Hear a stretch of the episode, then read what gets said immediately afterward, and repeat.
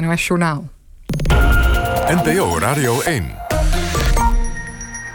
VPRO. Nooit meer slapen.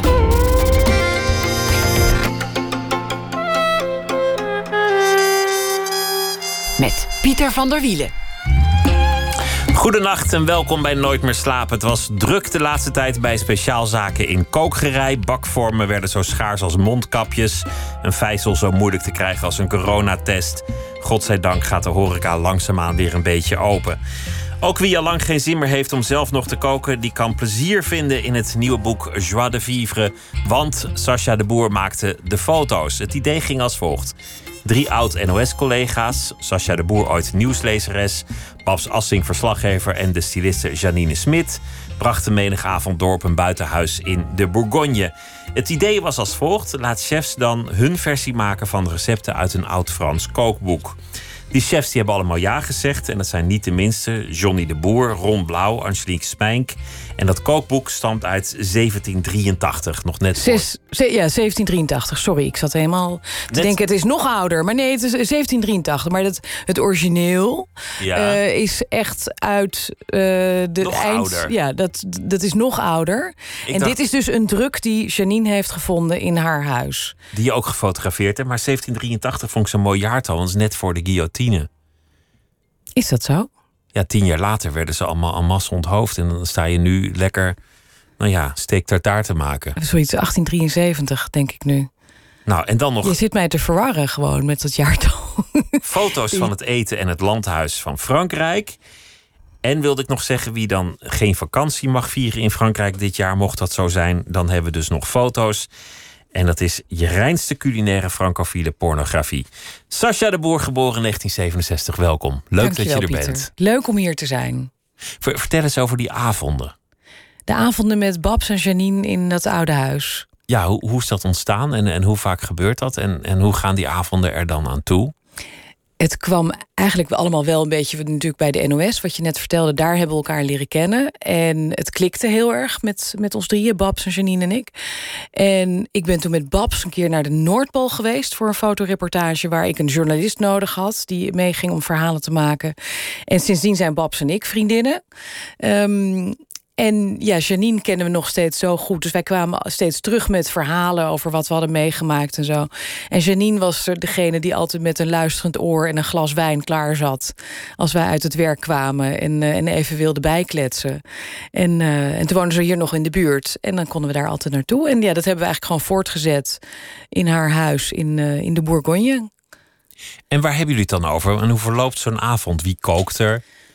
Ik ben altijd degene die kookt. Want, want jij kan het beste koken. Jij vindt het ook Ik leuk. vind het echt leuk. Ik heb er echt heel erg veel plezier in. En eh, ja, Babs is degene die, eh, die altijd weer, eh, ook weer woeste plannen bedenkt. En die leuke verhalen heeft te vertellen. En Janine is ook heel verzorgend. En die zorgt ook altijd dat er goede wijn in huis is. En ja, we hebben het over van alles. Over het leven, over kunst, over, over mooie dingen in het leven. Eh, ja, soms ook gewoon de, de, de, verdrietige dingen in het leven. Als, er, eh, als een van ons eh, heftige dingen meemaakt bijvoorbeeld... Ja, dan, dan zijn de anderen een luisterend oor... en soms een adviserend persoon. Dus ja, we zijn echte klankborden voor elkaar. Dat, dat zijn hele wezenlijke momenten. Dat je met mensen die je leuk vindt samen zit op een mooie avond en, en, en er vallen sterren. En dan En je is er gaat maar even niet naar rust. bed. En je gaat maar niet naar bed. Waarom zou je ook? En dan met, met, met lekker eten en een goede wijn praten. En dat zijn de momenten dat je eigenlijk alles kunt beschouwen. Dat is in toch je bestaan. prachtig? Ja, dat is, daar, is, daar kun je zo van genieten. En dat doen wij dus dan ook heel... Ja, niet, niet super vaak hoor. Het is ook weer niet dat wij nou elke... Elke week daar elke zitten. week daar zitten. Dat Was kan natuurlijk ook zo? niet. Nee, maar dat maakt het misschien ook juist wel weer bijzonderder. Kijk, Babs en ik wonen allebei in Amsterdam. En eh, Janine die woont eh, half in Antwerpen en half in, eh, in Frankrijk. En ja, dus om naar haar toe te gaan in Frankrijk is dan echt ook wel weer een feestje. Dat is echt iets heel bijzonders. En als we elkaar in Antwerpen zien, ehm, dat is ook heel leuk. Dan, ja, dan denk je van Antwerpen, fantastische stad. Dan gaan jullie uit en zo. Eigenlijk zitten we dan alleen maar bij haar thuis, bij de open haard. En dan sta ik te koken achter haar hele grote aanrecht. Met uh, allemaal potten en pannen en dingen. En dat vind ik zo leuk. En dan zitten zij aan, aan de bar van het kookeiland. En dan, uh, dan verwen ik ze met allerlei hapjes die ik heb gemaakt. En zo'n styliste in, in, in die tijd dat je nog dat deed en, dat, dat nieuws lezen en zo'n vrouw had die dan voor jou kleren uitkiest, daar heb je dan ook een heel goede band mee. Dat is iemand die jou heel goed moet aanvoeden. Ja, en dat, uh, dat kon zij ook heel goed. En ze deed het niet alleen voor mij hoor. Ze deed het voor ook de andere nieuwslezers en andere verslaggevers. En zij was ook in staat om iedereen zijn eigen persoonlijkheid te laten zijn. Dus het was niet zo dat we allemaal een soort uh, nou ja, eenheidsworstje waren. En van doe jij dit jurkje aan en jij ook en jij ook en jij ook.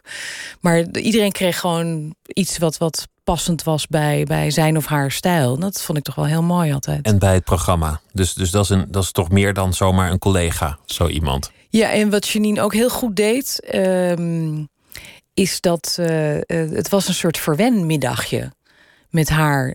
Twee keer per jaar was het maar. Um, om een paar kleertjes uit te zoeken, want die werden dan allemaal gekocht. En uh, zoveel waren het er niet. Dus je moest ook wel iets tijdloos uitzoeken, want het moest ook nog tien jaar mee. Um, en uh, ja, en, zij deed het zo goed dat ze dan uh, daar een, heel feestje van maakte. Terwijl, ik vind er eigenlijk niks aan om kleertjes te passen. Ik vind het een beetje gedoe. Maar, maar zij maakte het echt heel gezellig. En ook altijd, er kwam ook op een gegeven moment een glaasje bubbels bij. En dan en een lekker, lekker, lekkere lunch of zo. Ze zorgde ervoor dat het gewoon een hele leuke, gezellige middag werd. Met ook altijd een goed gesprek. En ik hoorde het ook van de andere uh, collega's die zeiden van... oh ja, morgen mag ik weer met Janine mee. Dat was echt een soort uitje. Lijkt me, lijkt me ook een rare middag als je dan voor een half jaar kleding moet uitkiezen. En dat is allemaal kleding die je misschien maar één keer zult dragen. En... Nee, 3000 keer dragen. Oh ja? Ja, tuurlijk joh. Ja, als je maar, maar vijf kleertjes krijgt... hoe denk je hoe vaak dat je dat aan moet doen? In oh, een ja. half jaar tijd. Nou, Als je zes dagen per week werkt. Ben ik die journaal kijken die op de inhoud let kennelijk. Want dat is mij Heel nooit goed, opgevallen. Daar gaat het ook om. Nee, dat is beter. Daarom moet je ook niet hele opvallende kleding uitkiezen. Maar goed, we hebben het nu veel te lang over kleding. En dat vind ik eigenlijk helemaal niet belangrijk. Nou, dat zei je eigenlijk al. Laten we het over eten hebben. Ja, dat is belangrijk. Hoe, hoe, hoe, lang doe je dat eigenlijk al koken? En was dat altijd al iets dat je deed? En, en ben je daarmee opgevoed? En, en, wanneer werd het dan echt belangrijk? En waar ben je dan goed in? En hoe vaak kook je? En... Ik heb altijd geleerd dat je maar één vraag moet stellen. Kies er maar één uit. Uh, nou, laat ik beginnen bij. Het was lang, lang geleden. Nee, mijn moeder was uh, iemand die hield heel erg van lekker eten. En ook van koken. En het grappige is dat zij mij dus uh, van, van jongs af aan... en mijn broer ook probeerden allemaal lekkere dingen toe te stoppen. Maar wij waren toch een beetje van... Nou ja, kan het ook gewoon een kipfilet zijn of zo. En pas later... zijn, we, zijn we dat veel meer, of ben ik dat vooral ook veel meer gaan waarderen. Um, en toen, ja, ze is 22 jaar geleden overleden. En uh, al die dingen die ze mij toen vertelde over lekkere recepten. En dan moet je dit doen, zo maken. En dan maak je dat en dan moet je van dat erbij en zo. Dat ging bij mij het ene oor in het andere oor uit. En eigenlijk toen ze er niet meer was, toen zat, bleek dat toch ergens in een laadje in mijn geheugen te zitten. En kwamen er toch allemaal weer herinneringen terug van: oh ja, hoe deed zij dat ook alweer? Oh ja, ja, zo, zo, zo.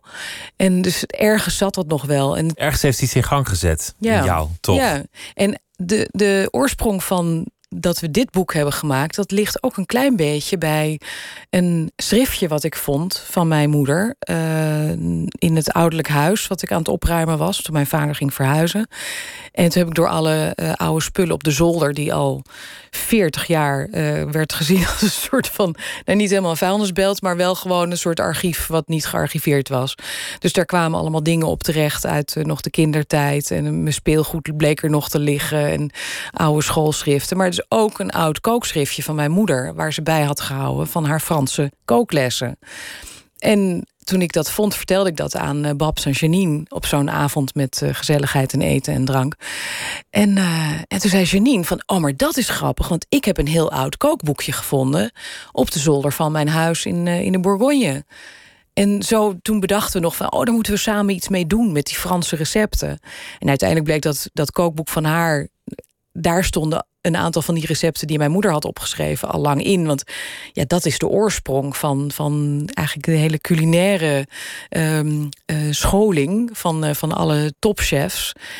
En dat is de echte oorsprong. Daar staat het in hoe het, hoe het ooit is, is bedacht in, uh, in die Franse keuken. Wat, wat mooi dat je moeder, die er al zo lang niet meer is, toch een rol heeft gehad in dit project. Toch iets, nou ja, toch eraan ten grondslag heeft gelegen. Best wel, hè? Ja, en dat ze toch ook, terwijl ik dus in die tijd nooit oplette over hoe je iets moet klaarmaken, dat zij toch jaren later, na haar dood, nog mij wat dingen heeft kunnen influisteren. En zelfs inderdaad een bijna zo bij wijze van spreken dat schriftje in handen heeft weten te duwen.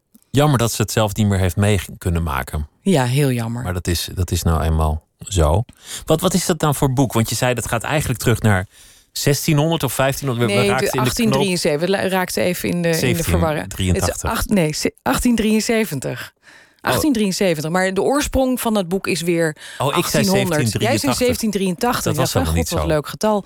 Maar ik dacht, dat is wel lang geleden. Maar gewoon, zullen we het gewoon houden 1873, op een 19e eeuw. 19e eeuw. Zullen we dat zeggen? En het, dat, dat boek is echt een, een oud boek dat bijna uit elkaar flikkert als je het oppakt. Ik had het eigenlijk moeten meenemen.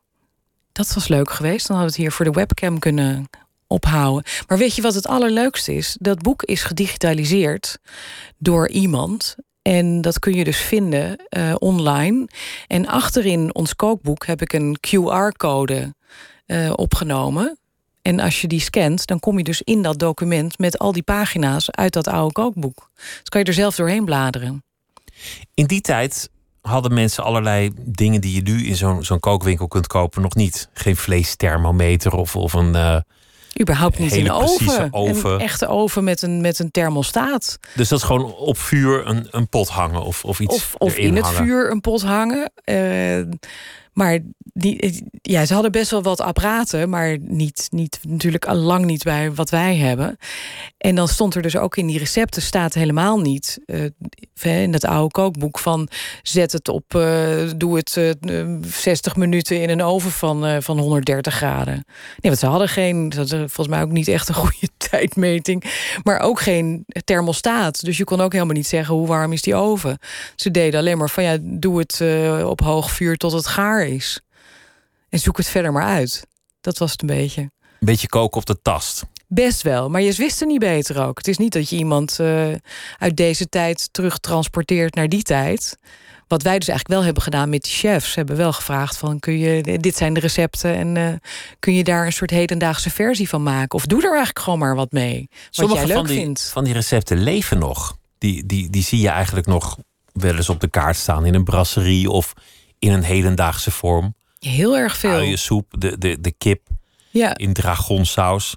De, al die dingen, nou, mosselen. Mosselen, uh, nou ja. Een, een uh, vissoep, bijvoorbeeld de bouillabaisse. Die zocht, dat is wel grappig, ik zocht die bouillabaisse. Um, zocht ik weer even terug online. Want Janine heeft dat, heeft dat kookboekje natuurlijk. En toen ik die teksten van de, de chefs, de recepten aan het redigeren was. En toen zocht ik op van ja, bouillabaisse.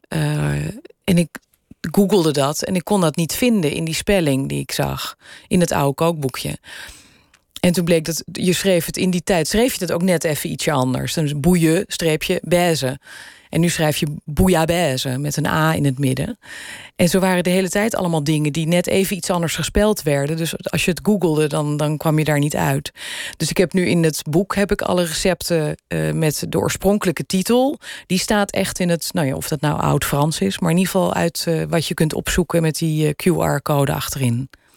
Dit project is wel een beetje met jullie aan de haal gegaan, want voor je het weet hebben jullie alle echt topchefs van de lage landen benaderd. Zeker. Al die mensen die erin staan, ik kende ze niet allemaal, maar de namen die ik ken, dat, dat is gewoon zo, zo chic als het wordt.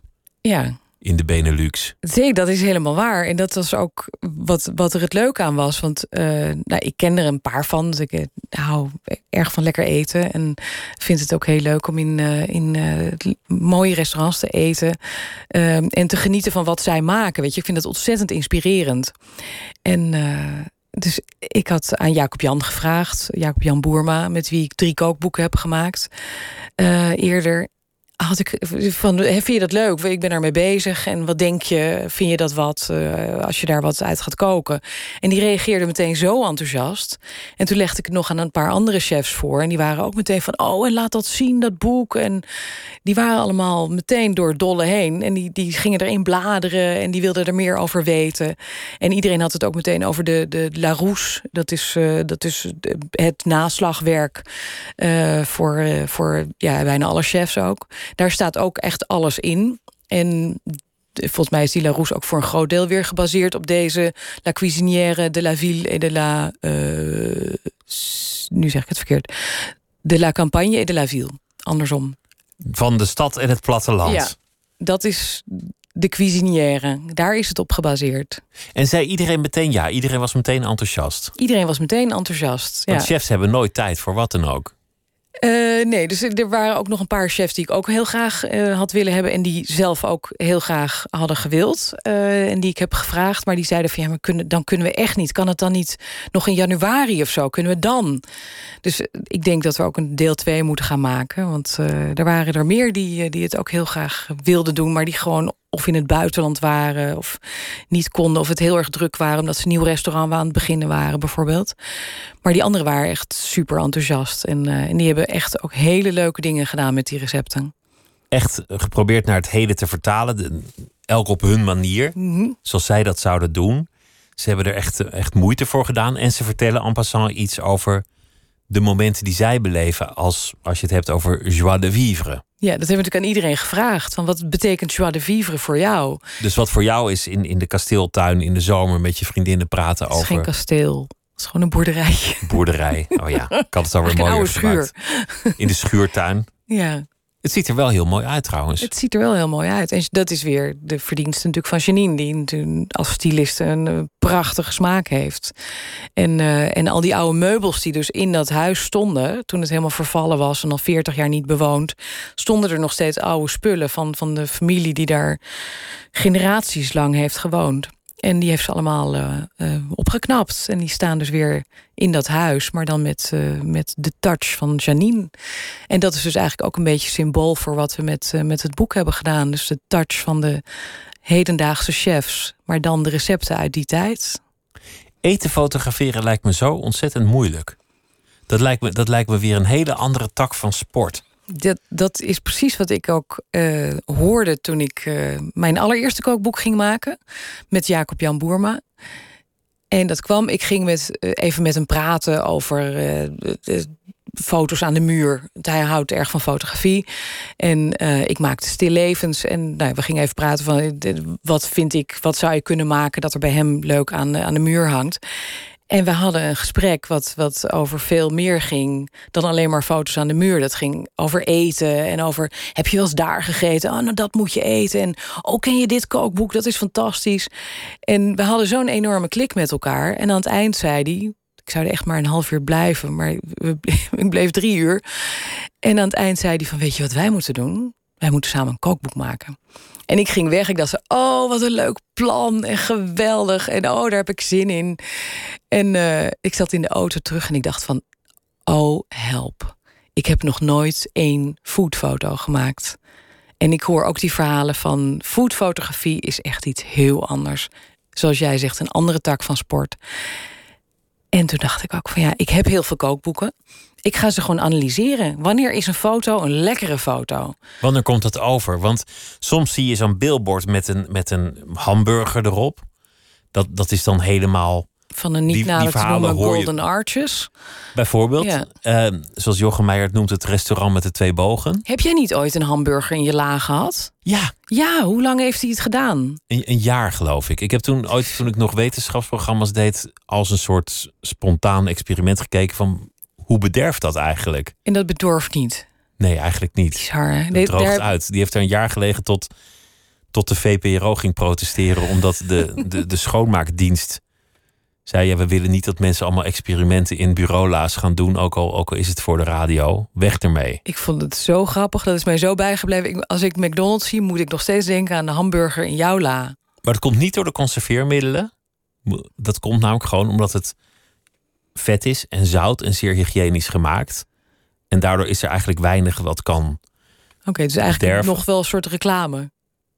Ja, dat weet ik ook weer niet of, of, of het reclame is. Maar het is ook weer niet zo dat het helemaal strak staat van, van toevoeging. Nee. Want dat, dat is ook weer niet zo. Oké, maar we gingen niet over. Maar over die, je wou Maar zeggen, zo'n foto verhalen, van. want, want daarom weet ik dat. Omdat ik me toen, nou ja, verdiept is een heel groot woord. Maar bezig hield met de hamburgers. Dat, dat er verhalen gaan dat ze allerlei dingen aan reclames toevoegen. Van, tot aan motorolie om het Ja. mooi op de foto te laten staan. Dat, Om die glans verhalen hoorde ik ook altijd. Dat je inderdaad een biefstuk lakken met motorolie. Want dan ziet het er lekker sappig uit. Of eh, sla wordt eh, bespoten met haarlak. Want dat lijken dan net van die hele sappige druppeltjes. Eh, ijs wordt gemaakt van eh, ossegal met, met een kleurstofje erin. Want dan is het echt dat hele mooie ijs. Alsof dat net met een ijslepel is opgeschept. Ja, je ziet al, het begint al te likkenbaarden. Ik vind, nee, vind ik leuke verhalen dit. Ik En vind andersom ook leuk als, als een ondernemer het zelf doet. Als je dan Mhm. ergens s'nachts nog, nog iets wil gaan eten. En, en dan hangt, hangt er aan de muur zeg maar zijn, bord.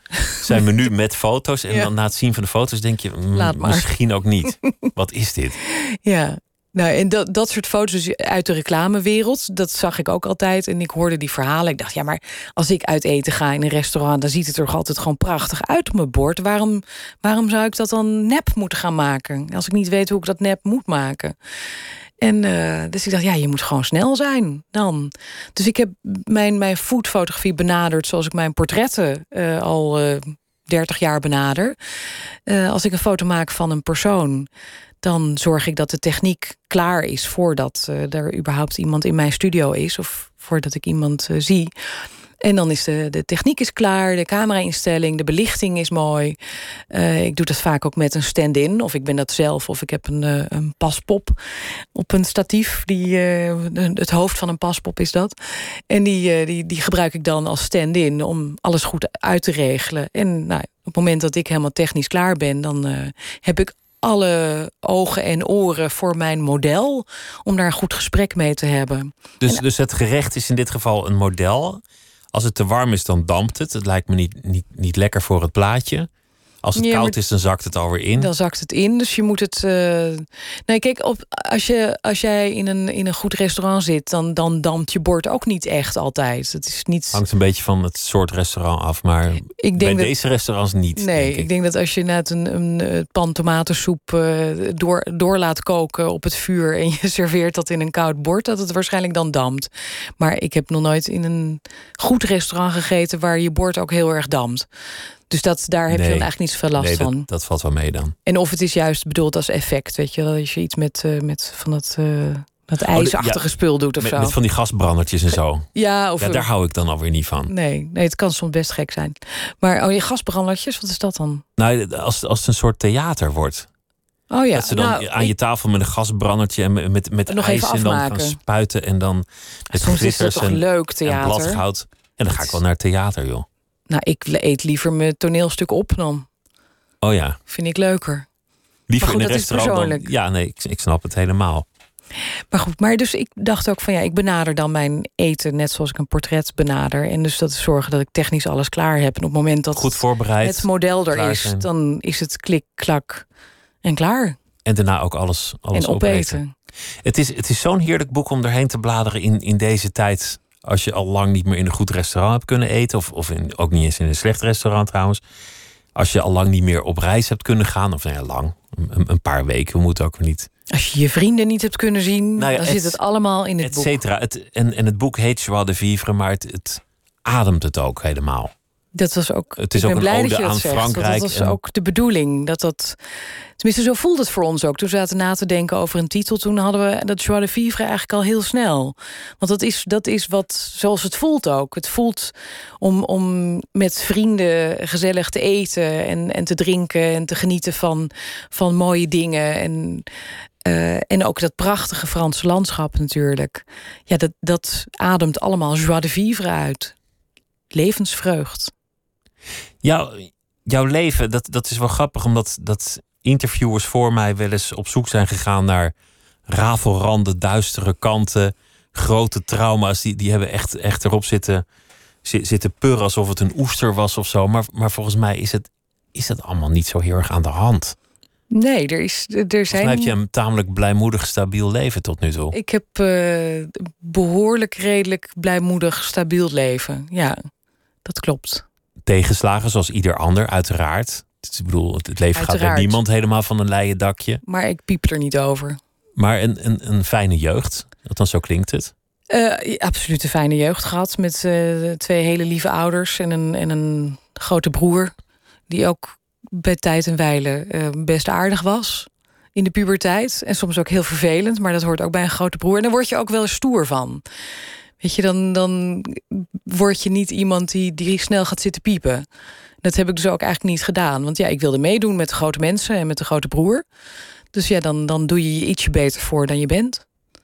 Ietsje stoerder en En dat allemaal niet he- heel ver hier vandaan. In, eh, ik ben geboren in Amsterdam. Daar heb ik eerst een paar jaar van mijn leven gewoond. En toen is mijn vader huisarts geworden in Weesp. En daar heb ik mijn, eh, mijn jeugd doorgebracht. En toen heb ik op school gezeten op echt een steenworp afstand van deze studio. Op het Nieuwe Lyceum. En dat was hier vlakbij. En daar heb ik dat rare accent van. Kan ik echt is, niks aan dat, doen, dat mensen. is Goois. Dat is Goois. Heb je, heb je daar zoveel voor op je falie gehad, voor dat accent? Nou, toen bij het journaal kwam volgens mij best wel. En soms als ik het ook, als ik dit nu zou gaan terugluisteren, dan denk ik op bepaalde momenten wel van, nou, kom op, eh het kan wel wat minder.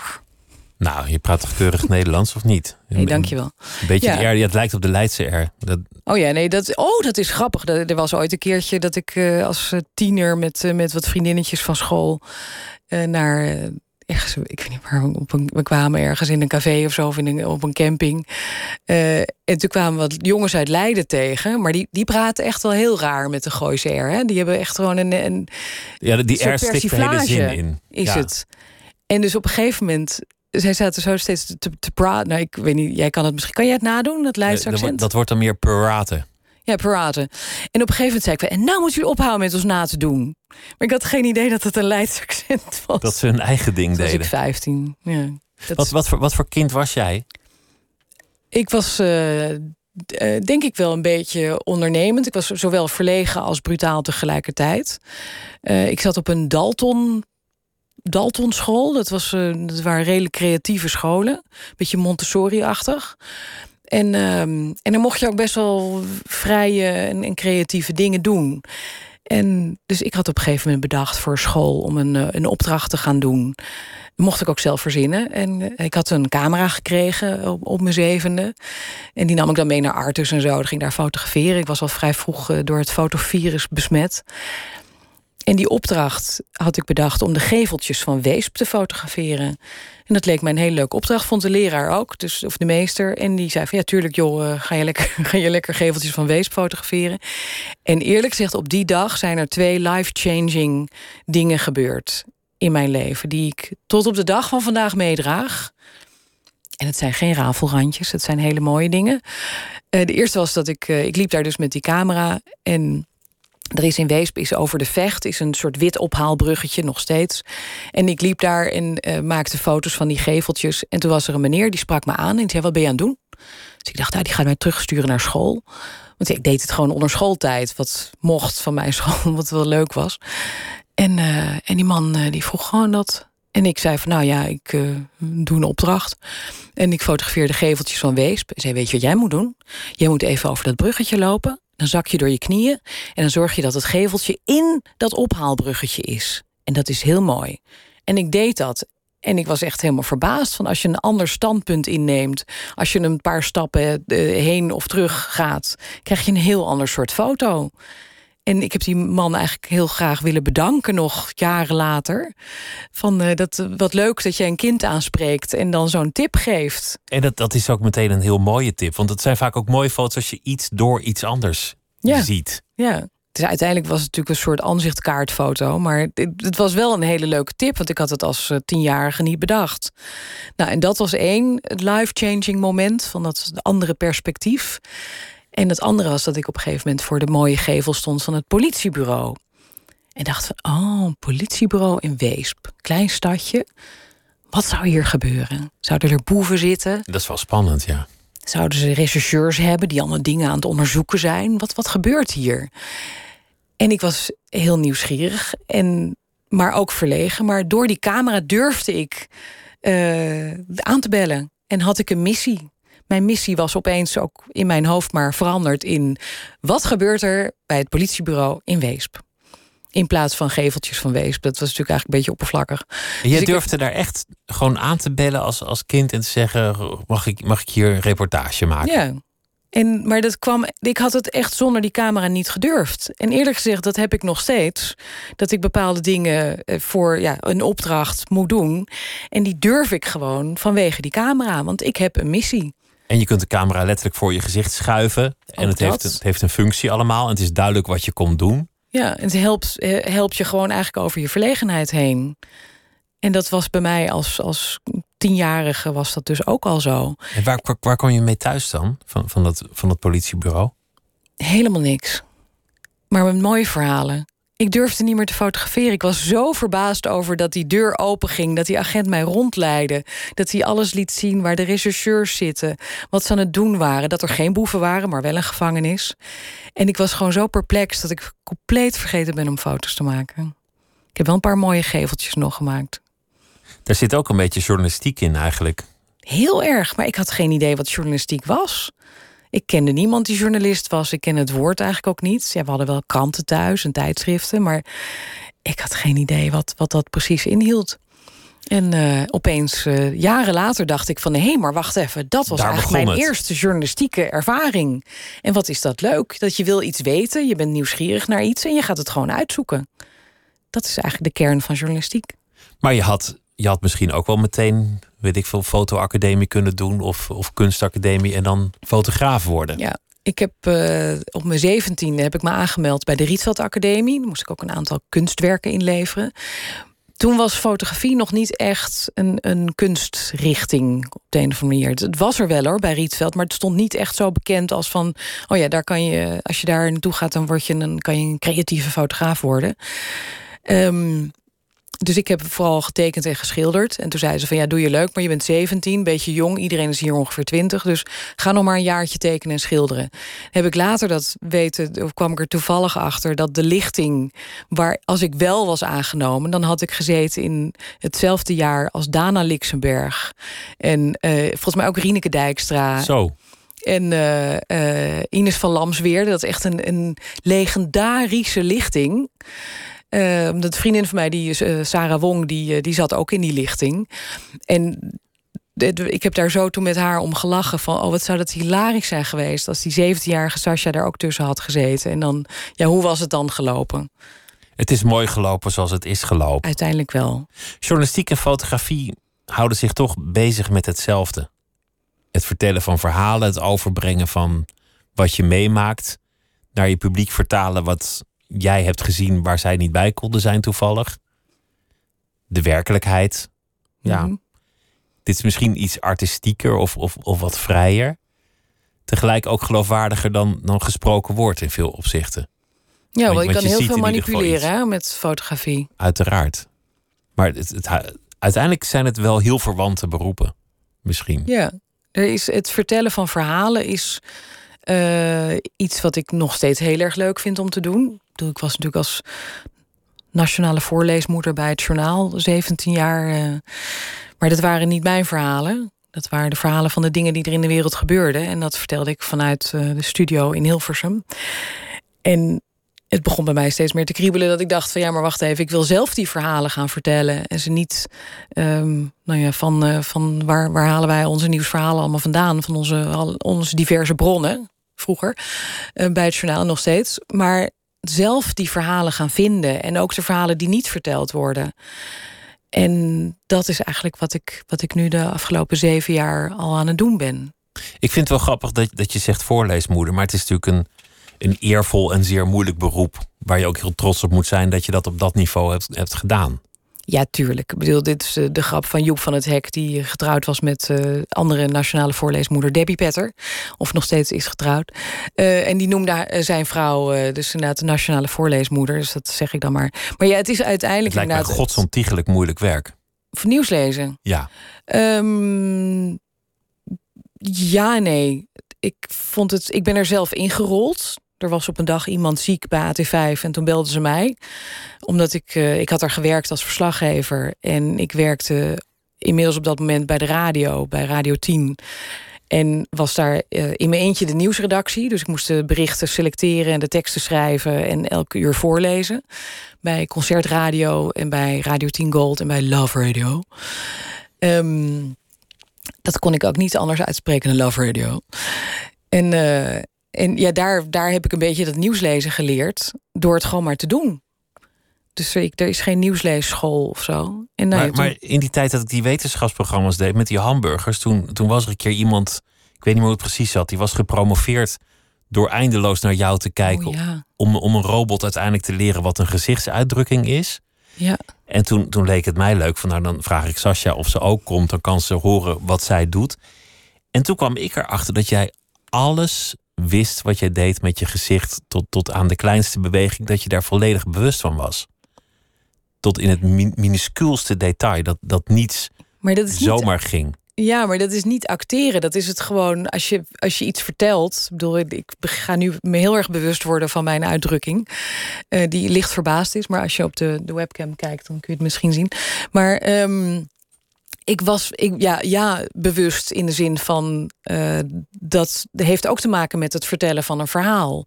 Maar het is niet zo dat je als acteur dan, in, want je bent geen acteur, het gaat natuurlijk. Het gaat gewoon, je vertelt een, een bijvoorbeeld een vrij verdrietig verhaal. Ja, dan, dan maar het is heel gaat geconcentreerd. automatisch dat ik dan iets anders kijk dan wanneer het een heel vrolijk verhaal is. Ja, het, ja het, is, het, is een, uh, ja, het is absoluut geconcentreerd. En ook het schrijven van die tekst of het herschrijven van de tekst, wat je meestal doet. Uh, daarbij had ik altijd het, het, het, de, de gedachte, of in ieder geval de, de wetenschap, wie ons publiek was. Het publiek was heel erg breed. Het was jong en oud en alles ertussenin. En hoog opgeleid en laag opgeleid. En goed geïnformeerd en niet goed geïnformeerd. En dat loopt allemaal dwars door elkaar heen. En je mag de, de uh, goed geïnformeerde niet afstoten met simplistische taal. Maar je mag ook de slecht geïnformeerde ook niet uit. Uh, dus ook daar moet je, moet je door, duidelijk door, en precies zijn. Door, ja, maar dat heeft ook te maken met hoe je je stem gebruikt. Want je kunt bepaalde dingen zeggen en andere dingen een beetje. Zorg, zorg maar dan tussen haakjes die je toch al weet.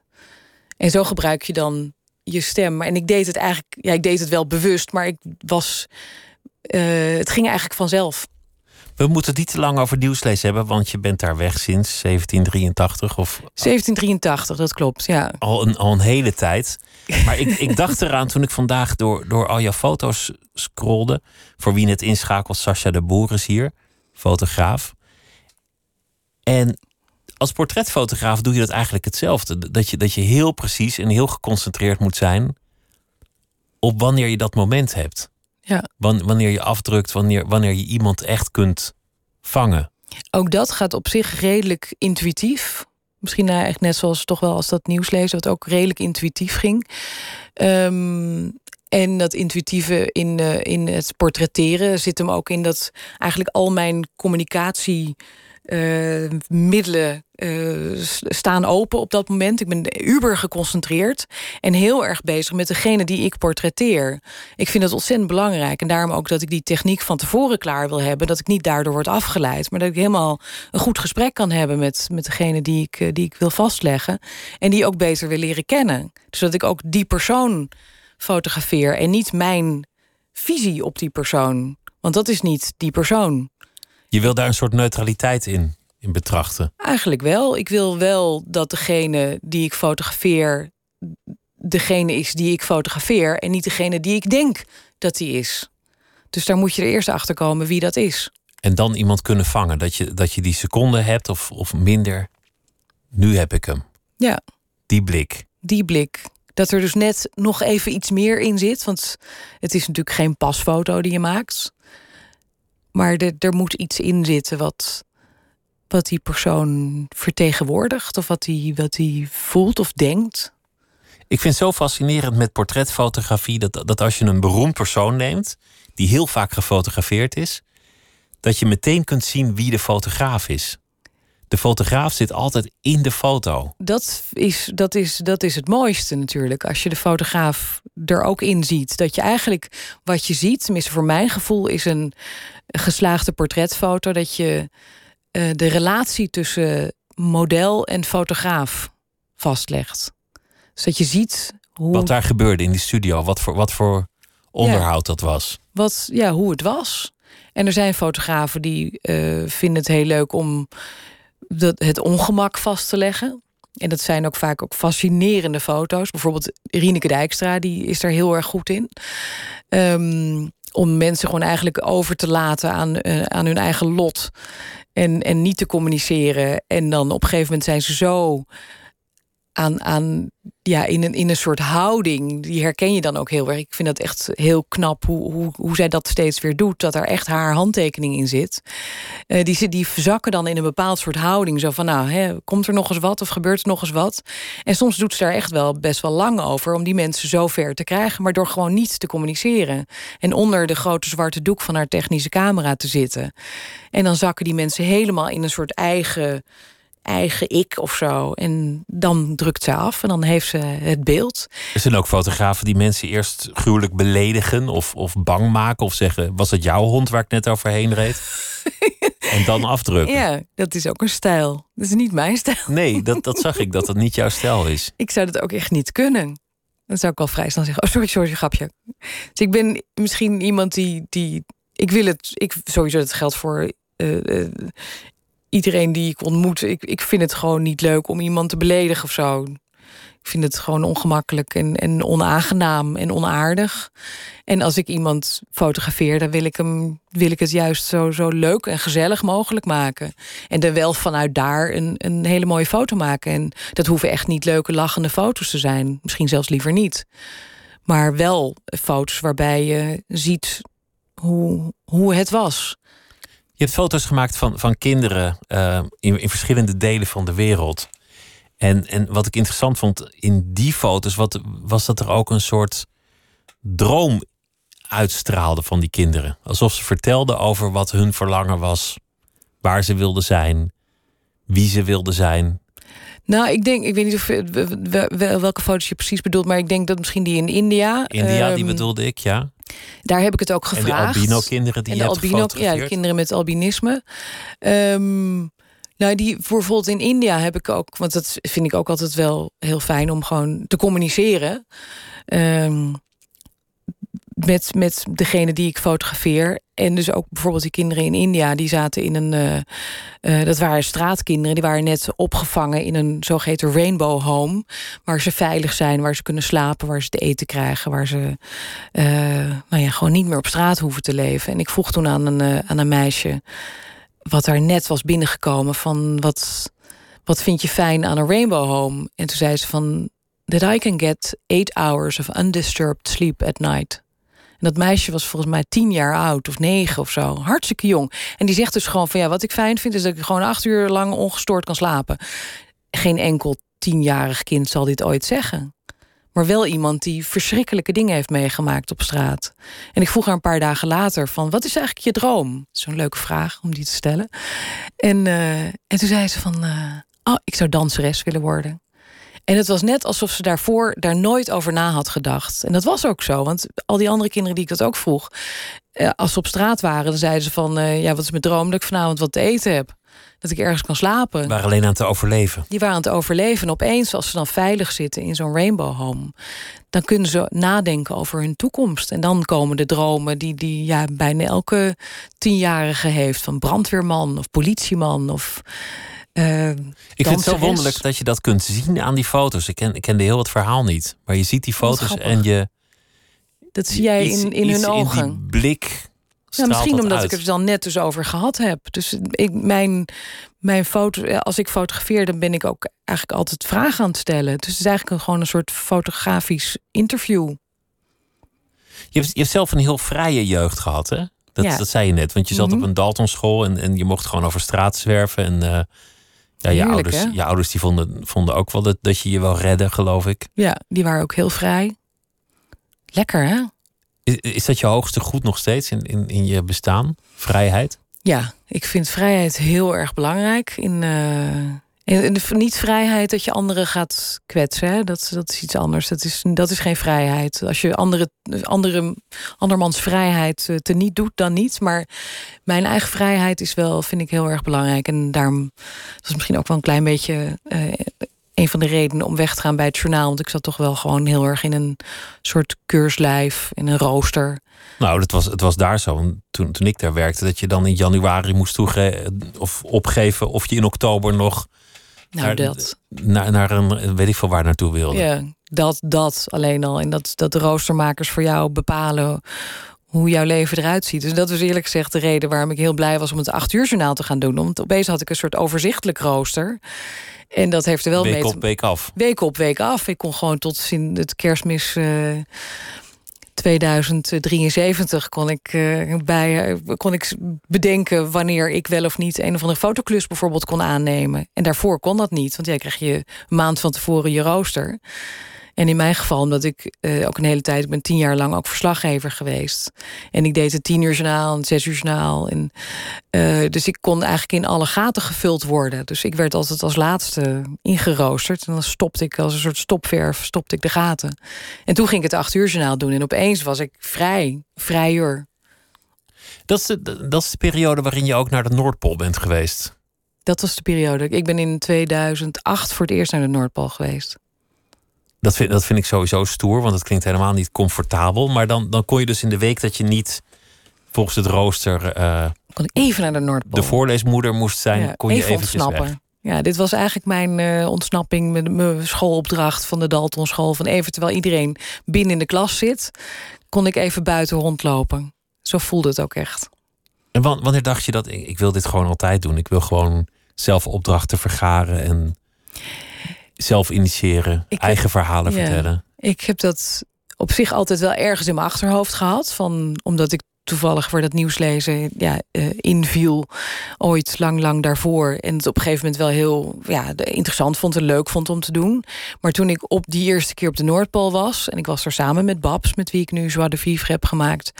en wij waren er echt een soort Thelma en Louise... en, en waren daar van alles aan het regelen... en verhalen aan het, aan het vinden... Uh, gewoon die daar op straat lagen, of op, op, uh, op, op het ijs lagen. En dat was zo bijzonder om te doen. Dat is gewoon echt het journalistieke handwerk. En dan en fotografisch en met verhalen. En we hebben daar fantastische dingen al meegemaakt en beleefd. En, en dat vertaald in, uh, nou ja, in twee boeken die, die we hebben gemaakt. En nog veel meer exposities en, en, en lezingen toen, en die toen ik heb gegeven. Oké, okay, ik, ik durf het. Want het is, het is een moedige keuze als je een een, een mooie chique baan hebt en een, een hoge rots. En een, uh, ja, die hoge rots is heel makkelijk om daar vanaf te springen.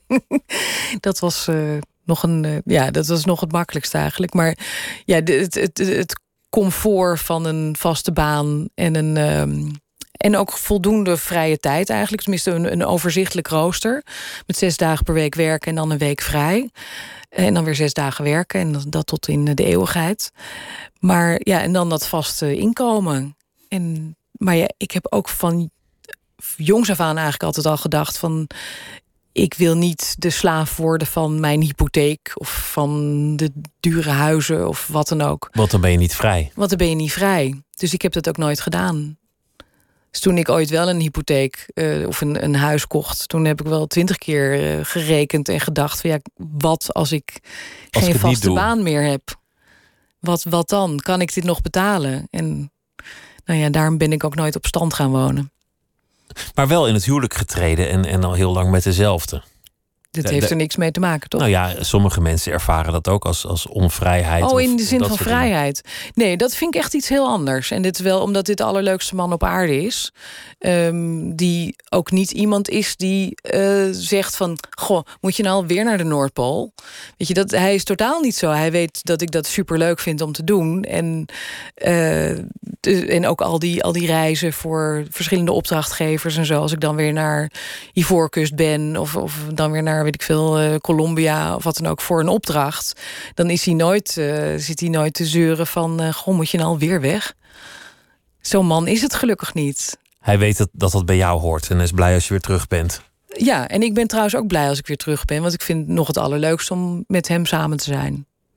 Wie, wie zijn jouw grote helden in, in de fotografie? Want je, je noemde net een aantal verschillende stijlen en, en manieren waarop je dat kunt aanpakken.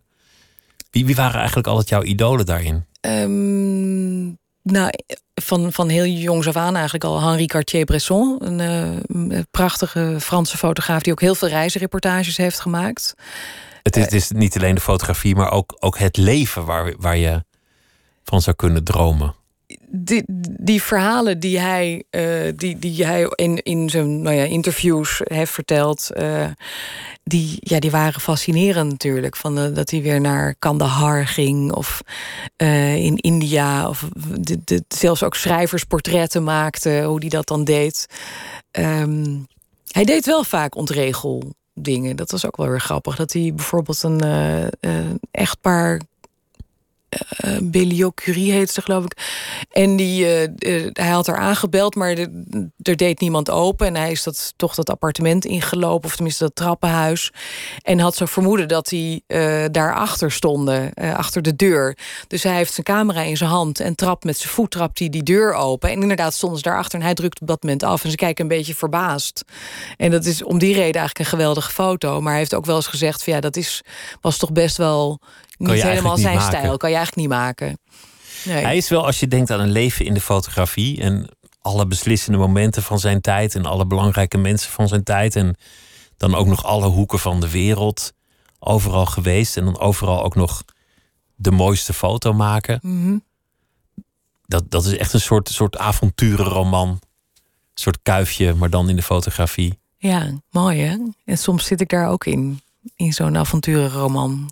En dan denk ik van, oh, wat ben ik blij en wat ben ik in mijn element. Maar je moet, je moet dan ook wel een beetje tegen, tegen ruwheid kunnen als je Henri Cartier-Bresson bent. Ja, jij hebt dat eigenlijk ook altijd gedaan met. Je bent kabelshower geweest, of, of weet ik veel wat. Als courier, als courier geluidsman. Geluidsman. Ja, dat, uh, dat kwam op mijn pad en dat leek me leuk. En dat was ook heel leuk. en dat is uiteindelijk is dat van het een kwam het ander. En op een dag was ik al 17 jaar nieuwslezer bij de NOS.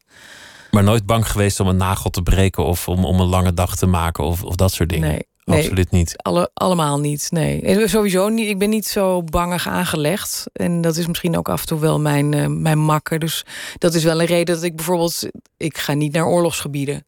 Omdat ik weet dat ik geen gevaar zie.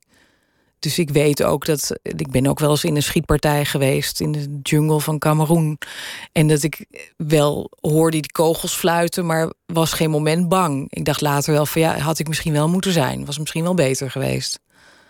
Maar dat was gewoon niet. Ik heb nog nooit kogels horen fluiten. In het echt. Ah, ik ook wel eens in de rivierenbuurt waar ik woon, hoorde je paf, paf, paf. Ik dacht, oh, ja. wat is dat dan? Nou, bleek oh, ja, daar liquidatie. heb je het ook natuurlijk. ja. Ja, nee, nee, ja, ik, nee, ik ben niet snel bang.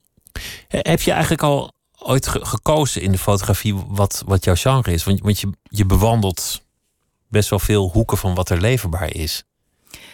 Portretten, dat, dat is wel iets waar je echt heel goed in bent. Nou, daar ben ik ook mee begonnen. En toen ik uh, 2021 was en mijn eerste uh, spiegelreflexcamera had. En daar verdien ik toen ook mijn geld mee. Werkte onder andere voor een castingbureau, Moeder Anne.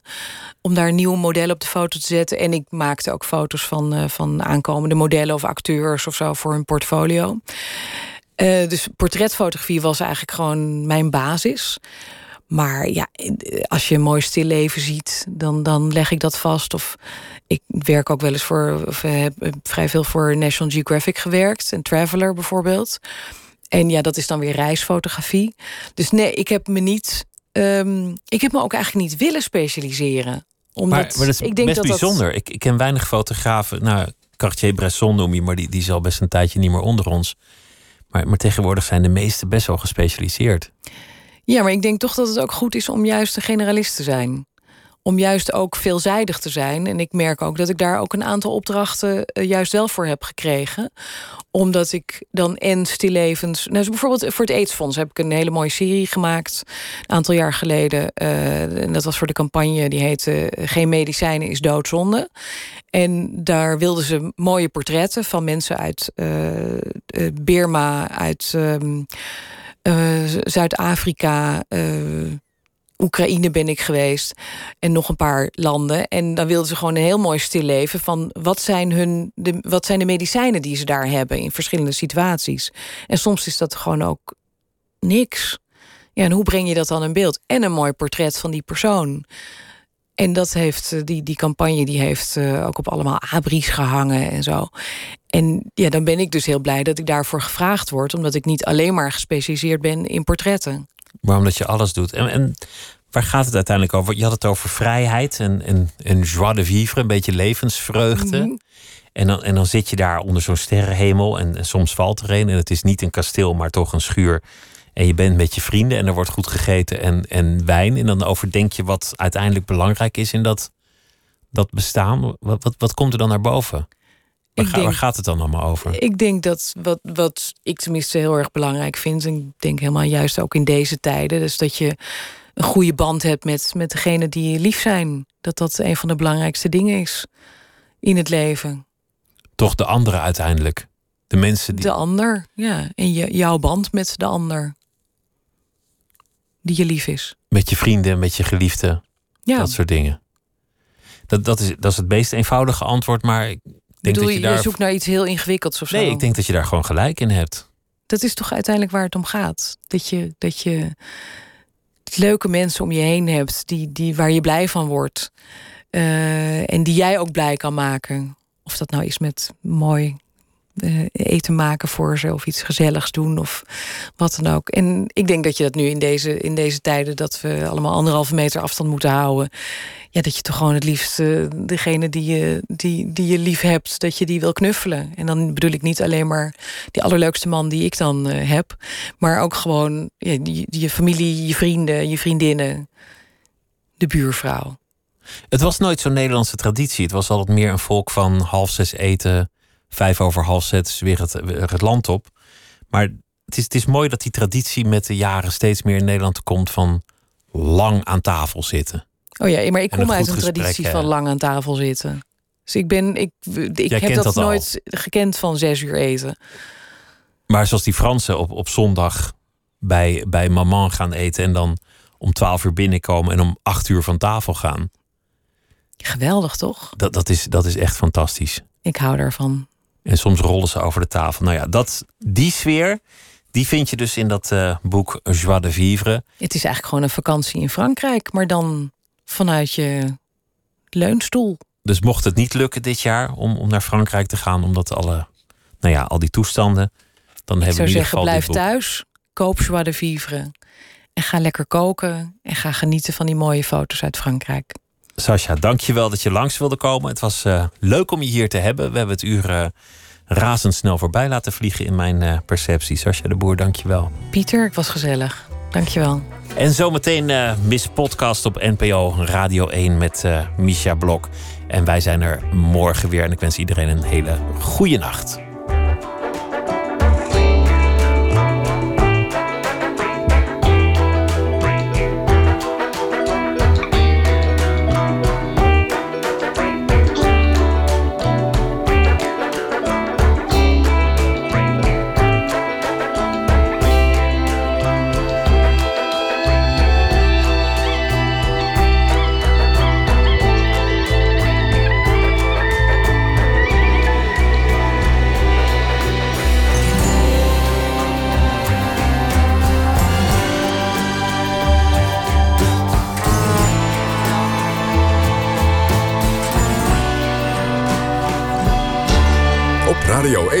Het nieuws van alle kanten.